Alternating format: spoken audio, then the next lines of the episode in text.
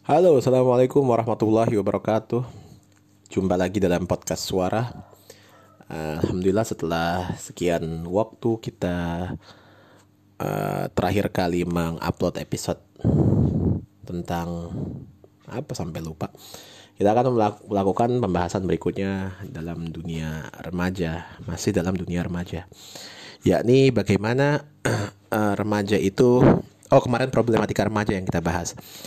Nah, kita bahas akan coba ngobrol atau akan coba berbincang tentang hmm, salah satu bagian dari problematika remaja tadi itu, yakni konflik antara anak-anak remaja dengan orang tua. Ini selalu akan uh, saya sampaikan dan saya akan terus ulang-ulang bahwasanya kadang-kadang orang tua itu tidak pernah merasa bahwasanya anak-anak mereka itu sudah tumbuh remaja. Artinya orang tua kadang-kadang tidak pernah berpikir eh, bahkan masih merasa anak-anaknya itu adalah sebagaimana anak-anak kecil yang berada dalam buayan mereka. Hingga akhirnya anak-anak remaja itu tidak pernah menjadi dirinya sendiri sebab senantiasa berada dalam bayang-bayang orang tuanya. Bahkan sampai mereka memilih jurusan perkuliahan pun mereka tidak diberikan kepercayaan. Padahal saat ini berkuliah uh, memilih jurusan perkuliahan itu adalah sesuatu yang dinamis seiring, seiring dengan berkembangnya pembukaan pembukaan lapangan kerja baru yang tidak pernah difikirkan oleh orang tua orang tua orang tua mereka. Nah inilah yang menjadi titik puncak uh, remaja mencoba untuk menjadi menjadi dirinya sendiri dan mencari jati dirinya di kemudian hari. Nah uh, biasanya anak-anak remaja itu khususnya yang laki-laki dia akan tetap dekat dengan ibunya yang perempuan dan yang perempuan akan dekat dengan bapaknya yang laki-laki. Ini umumnya yang sering banget gue temuin di beberapa sekolah-sekolah untuk jenjang SMA. Yang anak perempuannya dekat banget sama bapaknya dan mencoba dekat dengan bapaknya dan yang laki-laki itu mencoba dekat dan lebih dekat lagi dengan ibunya. Uh, ini menarik sih sebenarnya. Karena uh, ya ini benar tapi porsinya itu mungkin bisa di diubah semestinya. Itu uh, jadi uh, seharusnya ketika sudah memasuki usia remaja yang perempuan lebih dekat dengan ibunya. Karena itu adalah salah satu cara untuk menyiapkan mentalnya di kemudian hari ketika ia menjadi orang yang lebih dewasa. Contohnya dia menjadi ibu. Atau yang nomor dua, dia menjadi orang yang lebih aware terhadap dirinya dia sendiri. Kalau bapak itu kan biasanya, ya sorry itu saya cuek misalkan. Uh, uh, apa ya ya sembrono kadang ya kadang lalai dan yang lain sebagainya ceroboh uh, tapi itu sebenarnya yang disukai sama anak perempuan sih karena dia memanfaatkan kelengahan-kelengahan yang dimiliki oleh bapaknya Nah, sedangkan yang laki-laki itu lebih kepada sifatnya dia semestinya lebih dekat dengan bapaknya. Karena uh, di usia remaja seharusnya dia belajar bertanggung jawab, belajar menjadi pribadi yang lebih matang dan belajar menjadi pribadi yang uh, lebih baik lagi untuk menyambut masa depannya. Dan itu hanya bisa diajarkan oleh seorang bapak. Karena bapak adalah orang yang senantiasa berada di luar rumah dia bertemu dengan banyak pengalaman, dia bertemu dengan banyak kesempatan, kemungkinan, dan orang-orang yang baru dalam circle interaksi si bapak tadi itu.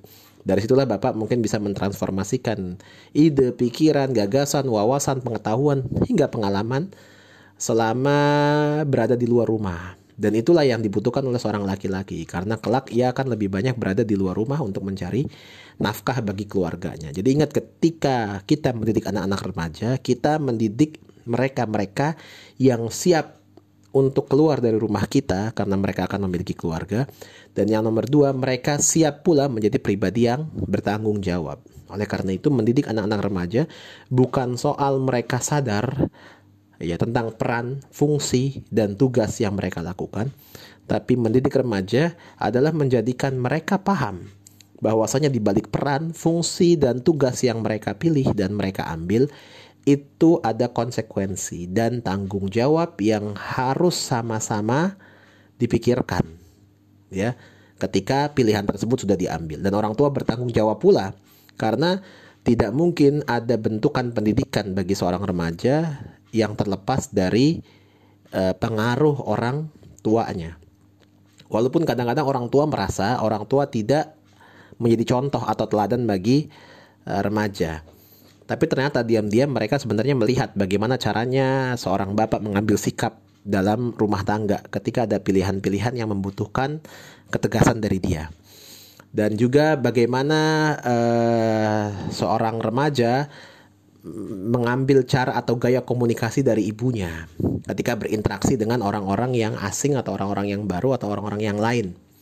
Nah, itu semua dipelajari oleh mereka secara tidak langsung, tidak seperti mereka e, menduplikasi saat mereka masih kecil dalam buayan orang tuanya. Mereka akan mencoba pelan-pelan sebenarnya dari contoh-contoh yang mereka lihat sepanjang hari, sepanjang waktu ketika bersama dengan orang tuanya. Makanya diam-diam mereka juga tetap memperhatikan. Bukan berarti diam-diam mereka tidak uh, tidak peduli dengan hal yang demikian. Justru mereka peduli, tapi caranya saja yang berbeda. Ya, kalau mungkin waktu masih kecil ketika kita melakukan sesuatu, mereka akan bertanya. Tapi ketika uh, saat mereka remaja, kita melakukan sesuatu sebagai orang tua, mereka tidak bertanya. Mereka hanya menyimpulkan, oh jadi begini toh.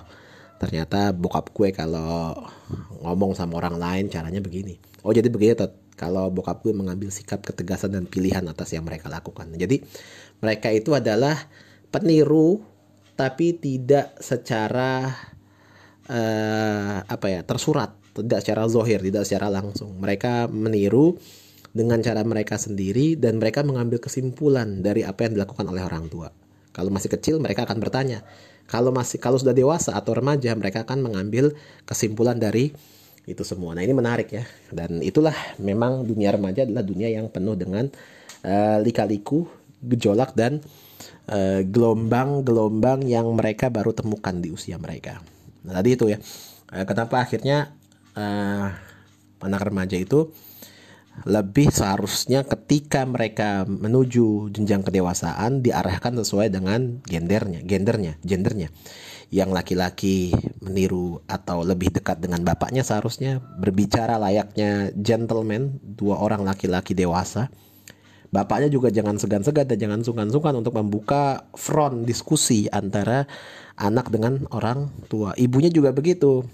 Ketahuilah bahwasanya anak-anak remaja putri itu sebenarnya lebih butuh kepada ibunya mereka lebih butuh belajar dari pengalaman-pengalaman ibunya di masa lalu ketika berada di usia remaja seperti mereka. Tapi bukan cerita, bukan kisah, tapi lebih kepada membimbing, mengarahkan dan juga uh, menyesuaikan dengan pola zaman yang mereka miliki hari ini. Bukan menggurui, ya, bukan menggu menggurui, tapi menjadi teman bagi mereka. Cuman ya tetap harus ada batasan bahwasanya mereka adalah anak kita dan kita adalah orang tua bagi bagi mereka ya penting banget ya jadinya antara kedua belah pihak. Dan seorang bapak juga tidak menggurui anaknya cuman lebih kepada memberikan eksplorasi eksplorasi pengalaman pengalaman baru yang sebelumnya tidak pernah diberikan oleh si anak sebelumnya. Demikian terima kasih